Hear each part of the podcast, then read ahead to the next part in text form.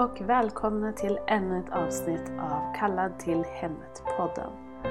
Detta avsnitt kommer att se lite annorlunda ut än de tidigare. För den här veckan så kommer jag att dela med mig av min resa.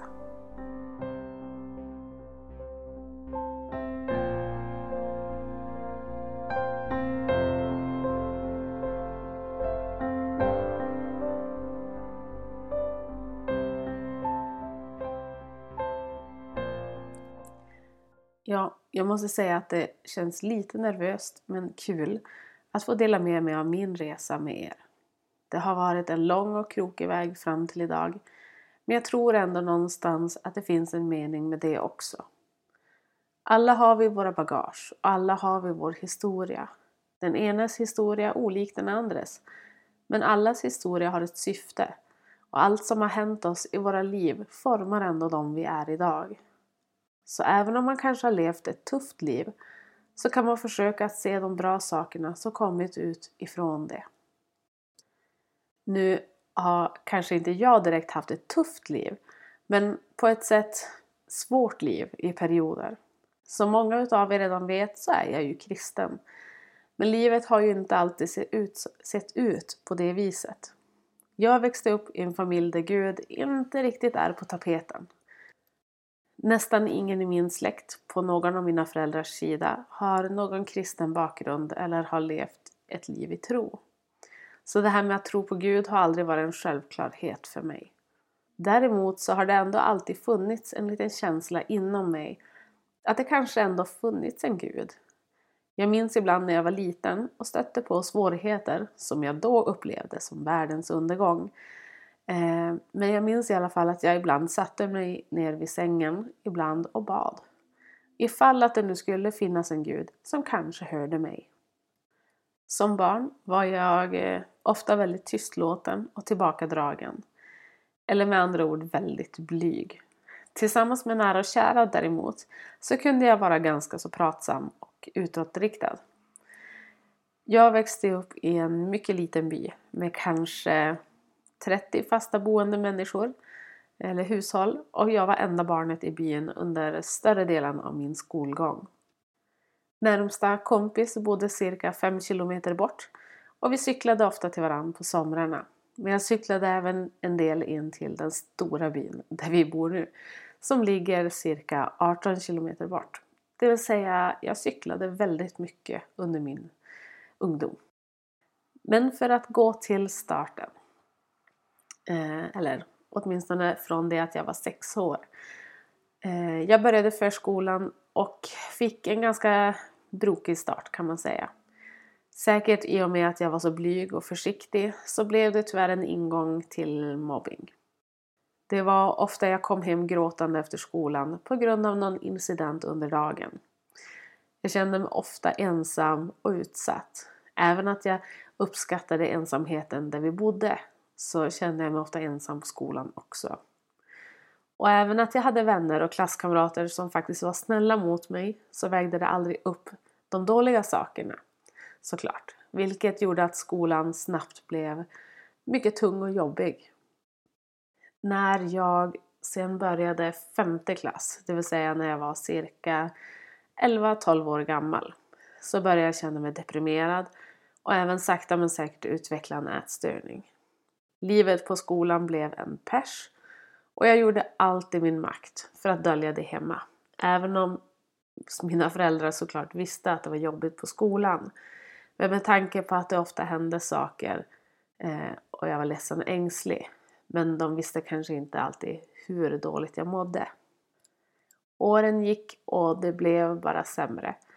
Jag utvecklade även till slut självskadebeteende och stora delar av min vardag ägnades åt självmordstankar. Vilket jag vill flika in är någonting som alltid, alltid bör tas på största allvar. Det är ingen lek. Och om du själv sitter i den sitsen, så snälla hör av dig till mig eller någon annan. För det finns en annan väg. Men grundskolan passerade och gymnasiet skulle påbörjas. Mitt mående var fortfarande katastrofalt och mitt inre var en enda röra. Jag hade så mycket frånvaro första året på gymnasiet att rektorn till och med reagerade. Så min mentor fick försvara mig för att jag inte hade en massa ogiltig frånvaro utan jag var helt enkelt så ofta sjuk. Och då var jag till och med flera gånger på skolan med feber, ibland hög feber, för att inte missa för mycket. Så min kropp mådde inte riktigt bra, men jag var fast besluten att fortsätta tills jag skulle krascha. Jag såg ingen framtid. Tills jag träffade mannen med stort M. Eller ja, på sätt och vis hade vi träffats nästan hela uppväxten. Men inte riktigt på det sättet. Och nu behöver vi kanske backa bandet lite grann igen. Så ni förstår vad jag pratar om. När jag började på sex års på den lilla byaskolan så hittade jag en bästa vän. Genom hela grundskolan så var vi alltid väldigt nära varann och hade alltid sällskap av varandra, mer eller mindre. Jag kan bara minnas en enda kort period under dessa tio år som vi inte var vänner, men det var oerhört snabbt övergående, tack och lov. Men hur som helst, denna kära vän hade en sex år äldre storebror som jag alltid var stormförtjust i. Och kan ni gissa vem det var? Jo, mannen med stort M. Men med sex års åldersskillnad så kan ni ju kanske förstå att det behöver gå ett par år innan man ens ser på varandra på ett annat sätt än kompisens storebror eller lilla syrans kompis. En annan sak är väl värd att nämna såklart är att min bästa vän och hennes familj var kristna. Och det var nog här som Gud började så frön i mitt liv på olika sätt. En sak jag minns med sån värme är det när jag fick äta middag hemma hos dem. För de gjorde någonting som jag inte var van med. Och det var att be bordsbön innan maten. Även att jag inte var kristen så deltog jag ändå i bordsbönen för att vara artig de här gångerna. Och vilken grej! Det kändes så oerhört gemytligt och jag kände mig så delaktig i familjen. Det var någonting som verkligen grep tag i mig inombords med den lilla bordsbönen. Så om du någon gång har tvivlat kring huruvida små saker kan göra stora intryck så kan jag säga att det kan de, mer än du kanske tror. Jag kan fortfarande känna den där värmen och genuiniteten i den lilla bordsbönen. Så det sätter spår.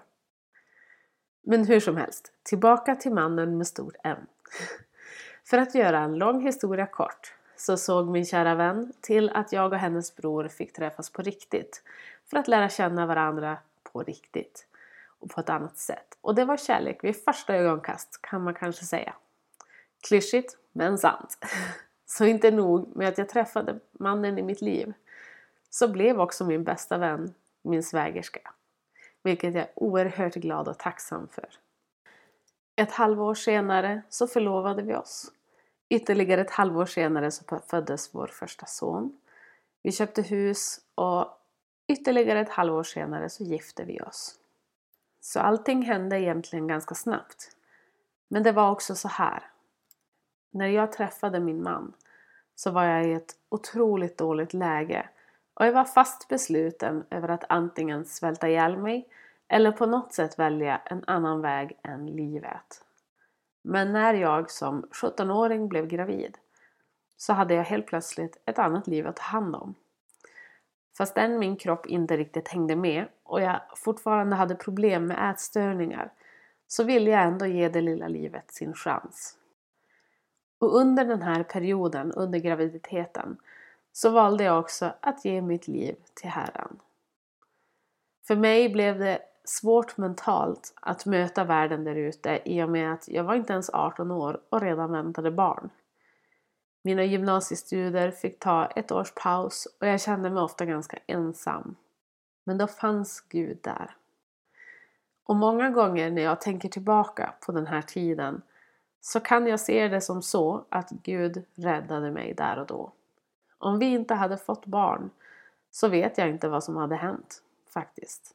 Men Gud visste och han visste på vilket sätt han skulle kunna rädda mig på. Och genom alla svårigheter och tankar så kunde jag helt plötsligt vända mig till Gud istället för att bära allting inombords.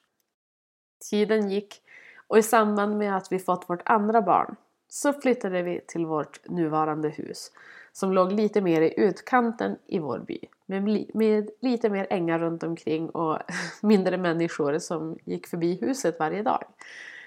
Jag har aldrig riktigt trivts att bo mitt i smeten, så att säga. Utan jag föredrar det lite ensligare, så som jag är uppvuxen. Och under den här perioden, fastän jag hade min familj, jag hade hittat Gud och jag hade hittat ett helt annat liv så var jag ändå fortfarande kvar i mina destruktiva tankar. Direkt efter graviditeterna så kände jag stress över att snabbt komma tillbaka i form igen och jag brottades en hel del med mina tankar. Många gånger kunde jag också bli ledsen över att jag mådde så dåligt fastän jag var kristen. Ibland fick jag så dåligt samvete för att jag mådde som jag gjorde, för jag var ju kristen. Då ska man väl ändå må bra, tänkte jag. Men lite visste jag hur vanligt det faktiskt är. Om än det kanske inte alltid behöver vara så. Och det borde inte vara så. Men det är vanligare än man tror. Och i perioden mellan vårt andra och tredje barn så hade jag min värsta dipp sedan jag kom till tro. Mina hjärnspöken plågade mig så oerhört och jag var tillbaka till ätstörningen i full kraft. Jag försökte dölja det så gott jag kunde och la på en glad och fin fasad. Men inombords så höll jag på att gå sönder. Här vill jag bara flika in också lite grann ett tydligt exempel på att ens omständigheter inte alltid spelar någon roll. Om man tänker på det. Jag hade en man som älskade mig, två fina barn, ett hus, ett hem och jag drev företag som fotograf. Och jag, jag hade egentligen ett jättefint liv med livskvalitet. Men trots det så mådde jag så oerhört dåligt och brottades med helt galna tankar. Och det är ett bevis på att vi behöver verkligen låta Gud förändra vårt inre. Och steg för steg låta han förändra våra tankar och våra idéer så att han istället får ta plats. Bara då kan vi få riktig innerlig frid. För här är det samma sak som min uppväxt. Jag växte upp i ett jättefint hem med fina föräldrar och fin, fina människor runt omkring mig. Jag hade egentligen ett bra liv. Men mina omständigheter där drabbade mig och samhället slet i mig och ja, mina tankar fick ta för mycket plats. Så man ska inte alltid haka upp sig på att folk verkar, verkar leva ett bra liv och därmed måste må bra också. Skenet kan bedra. Så även att jag hade hittat en frid olik någonting annat som jag upplevt i mitt liv så fanns det fortfarande distraktioner att ta itu med. Saker som ledde mig bort från Gud. Men så en dag så förändrades allt. Min man hade blivit dålig och låg med magsjuka nere i soffan. Jag hade gått och lagt mig för kvällen men låg länge och lyssnade och, oroade mig för min man. Att han mådde så dåligt och jag bad för att han snabbt skulle få bli frisk igen och för att inte fler i hemmet skulle bli sjuka såklart. Men så plötsligt så slår det mig. Eller om Gud slog, slog mig, det vet jag inte. Men jag tänkte att här sitter jag och önskar att min man ska få bli frisk, frisk så att han kan äta och må bra igen. Medan jag själv önskar det här för mig själv. Och någonstans så fick jag rätt, perspektiv på saken. Och jag kände inombords att nu får det vara nog. Jag vill inte ha det så här längre. Och jag hade bestämt mig för att gå all in om det så skulle innebära sjukhusvistelse. Jag var så uppslukad av mina egna tankar att jag glömde min familj. Men nu fick det lov att vara slut på eländet. Jag ville inte må så här längre. Och samma kväll så grät jag ut till Gud för jag insåg att jag klarar inte det här. Gud måste ingripa och hjälpa mig.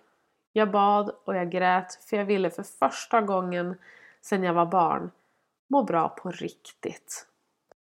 Och i exakt samma ögonblick som jag avslutat bönen så lättades hela min inre klump.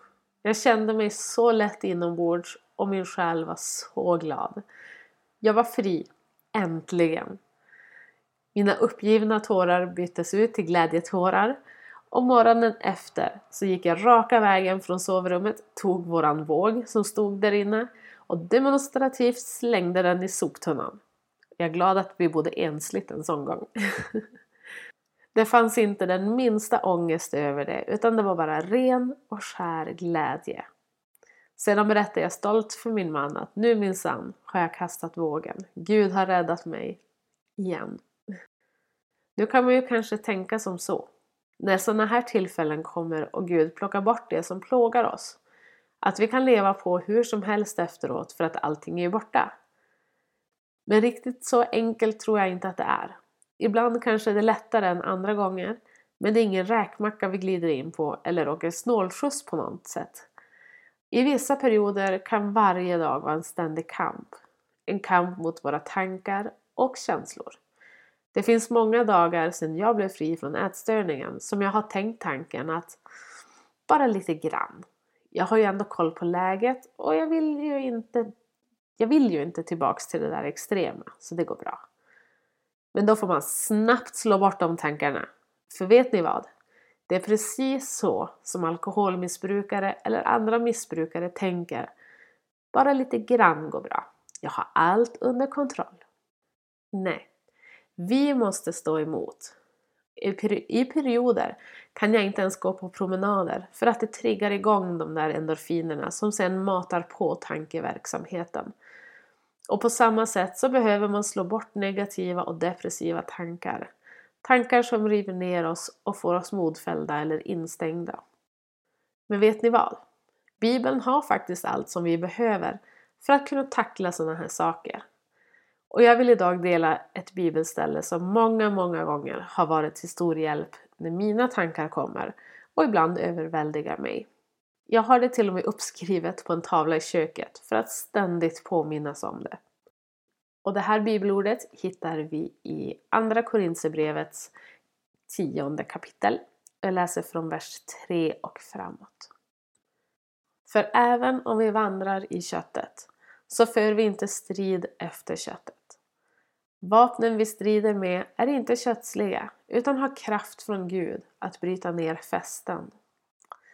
Ja, vi bryter ner tankebyggnader och allt högt som reser sig mot kunskapen om Gud. Och hör här. Vi gör varje tanke till en lydig fånge hos Kristus. Nu kan det ju också vara så här att ni kanske inte tycker den här passagen är lika fantastisk som jag gör. Men tänk er ändå. Alla tankar som vi vet inte är bra kan vi kasta till lydiga fångar hos Kristus. Alla tankar som motsäger Guds ord, alla tankar som går emot vad Gud har för oss, alla tankar som bryter ner oss och för iväg oss från Gud kan vi plocka bort och låta Kristus ta hand om dem. Vi behöver inte ta hand om dem själva men vi har ändå ansvar över att göra den handlingen, tror jag. Att sluta lyssna på djävulens viskningar som får oss att vackla. Visst, vi är inte lovade att aldrig känna negativa tankar. Men däremot så kan vi lyfta allting så att Gud får ta mer plats. Så att han får sortera bort osanningar och ersätta dem med hans sanningar.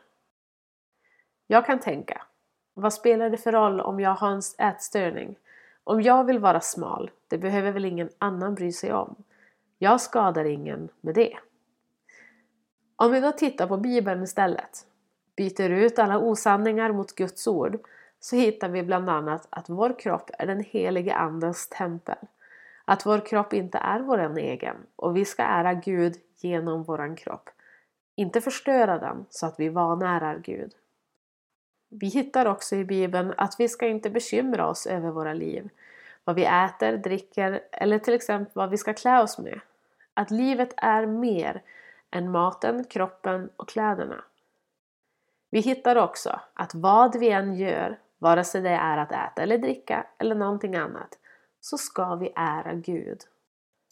Sen hittar vi på många ställen i Bibeln där det talar om insidan. Att det är den som räknas, hur klyschigt det än må låta. Vårt yttre är ingenting som vi egentligen ska behöva tänka på. För det spelar ingen roll. Gud sände sin son Jesus för att dö på korset för vår skull, för att han älskar oss. Vi är hans barn. Vår kropp och våra liv är en gåva från Gud. Så istället för att hata den och försöka förändra på den så bör vi se på den så som Gud gör. Om vi är smala eller vältränade har ingen som helst betydelse för Gud. Han ser på vårt hjärta. Och om vi hänger oss mer till vår egen kropp och vårt eget så har vi gjort oss en avgud. Och då är vi ute på tunn is, eller hur? Så oavsett om vi skadar andra eller inte så har det betydelse. Det har betydelse för vårt inre och för vår relation med Gud.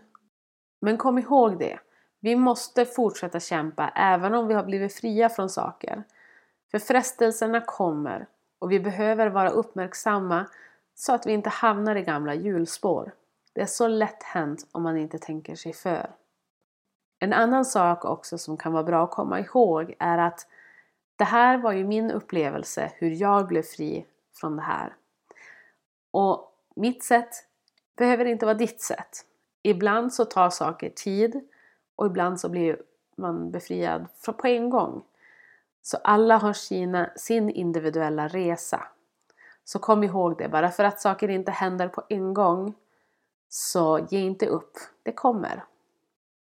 Men hur som helst, efter den här tiden så har Gud hela tiden fortsatt att visa mig vilka vägar han har för mig. Jag avslutade mitt företag som fotograf för att helhjärtat kunna vara hemma med mina barn. För sanningen är, även om jag sällan jobbade hela dagar så satt jag lika fullt flera dagar i veckan med redigering, marknadsföring, nätverkande och pappersarbete så jag jobbade mycket mer än bara ibland. Vilket till slut blev för stor stress. Och en dag kanske jag tar upp fotograferandet igen. Men i så fall när barnen är stora och tiden och engagemanget finns. Just nu är min kallelse att vara i hemmet. Och jag är så oerhört glad att jag sitter här just nu är den hemmafru och mamma som jag ska vara. Jag har många gånger blundat lite grann för att vara 100% hemma. För samhällets normer och krav, de har påverkat mig. Så jag har trott att jag inte har något värde om jag inte drar in en inkomst till vårt hushåll. Och visst, det är ingenting fel med det. Men det är inget måste. Det är klart, jag kan hjälpa min man med lite extra slantar varje månad och det är ju toppen om jag kan det. Men det borde inte få ta mer plats än hemmet, äktenskapet, familjen och Gud. Självklart har Gud olika kallelser också, för olika människor. Men jag tror ändå att en mammas och en frus kallelse är först och främst i hemmet. Sen kan såklart olika uppgifter och andra saker förgrenas utifrån det. Men om jag ser till mig själv så har det varit en fantastisk omställning. Så även att jag har varit hemma mer eller mindre med våra barn sedan våran förstfödde så blev det ändå inte riktigt på riktigt förrän jag la ner 100% på hemmet. Jag har ju nämnt, nämnt det här förut men jag tycker ändå att det är värt att förtydliga. Det finns en oerhörd välsignelse med hemmalivet även om det inte alltid är så lätt. Men Gud ger oss styrka och kraft och vishet och vägledning genom det hela. Vi går där aldrig ensamma och vi behöver aldrig bekymra oss för han har allting i sin hand. En annan sak som jag också vill ta upp här idag som jag kände inte riktigt fick plats i berättelsen förut. Eh, men det är ett helt annat helande som Gud har gjort i mitt liv. Men den här gången fysiskt. Ehm, för att innan vi bytte bostad, när de två äldsta var små, så började jag känna konstigheter i min kropp. Jag kunde ofta få värk och ibland när eh, jag hade hjälpt min man att lyfta saker så betedde sig mina fingrar så konstigt. Vid ett tillfälle till exempel när jag skulle hjälpa honom bära ut några garderober så kände jag när vi var klara att jag kunde inte riktigt räta ut på mina fingrar. Det var som att varje led i fingrarna hade låst sig. Kanske till och med lossnat lite grann kändes det som. Och sen låst sig. Om det nu låter vettigt. Men jag kunde inte räta ut dem. Och till slut så fick jag hjälpa fingrarna tillbaka på plats och det var mycket obehagligt. Och det gjorde även ont efteråt. Och det hela blev värre och värre med åren. Och efter ett par år så kunde jag knappt bära hem handlingspåsarna utan att fingrarna låste sig och jag fick värk. Mina höfter kunde ibland göra ont och ibland kunde jag inte stödja mig på mitt knä utan fick skumpa mig ner på trappen på morgonen och även ryggen kunde ibland verka. Men händerna och fingrarna var ändå värst. Och jag var på tok för envis för att gå och kolla upp det hos en läkare. För det kändes som att jag skulle få någon slags dödsdom. Så istället så undvek jag det så länge jag kunde. Teorier om överrörlighet har funnits då mina leder alltid har varit lite mjuka. Men såklart ingenting som vi har vetat säkert. Men i slutändan så kunde jag nästan inte ens fotografera utan att ha handledsstöd och knapra värktabletter sen efteråt. Eller på långa bröllop sitta i bilen och gråta av smärta som höll i sig nästan i flera dagar. Och jag började nästan överväga att gå till en läkare även om det tog emot. Och de flesta var på mig om det. Men eftersom jag är lite som jag är så struntade jag i det trots den enorma verken som kom och gick. Plötsligt en dag 2017 efter ett par års besvär så upptäckte jag helt plötsligt att jag hade ju inte ont längre. Och jag kan inte säga riktigt när det slutade eller avtog utan helt plötsligt så insåg jag att märkligt nog har jag inte haft ont på länge. Och dessutom så hade jag inte haft problem heller med min magkatarr på jättelänge. Så jag blev tvungen att göra ett test för att se om det bara var jag som var förvirrad eller vad riktigt som händer. Så jag eh, möblerade om våran dotters rum. Jag flyttade om möbler, bar grejer hit och dit och jag bar till och med ut en bokhylla ut i lagorn själv. Men ingen verk. Inte ens en tillstymmelse av verk. Och jag minns att jag tänkte att det här är omöjligt. Men för Gud är ingenting omöjligt. Tiden därefter följdes av ett normalt liv igen. Jag kunde bära hem matkassar och jag kunde fotografera 10 timmars bröllop utan ett enda uns av smärta. Jag har genomgått två graviditeter efter det eh, och fotograferingar och fjällvandringar utan att få ont i mitt knä en endaste gång. Min kropp var hel.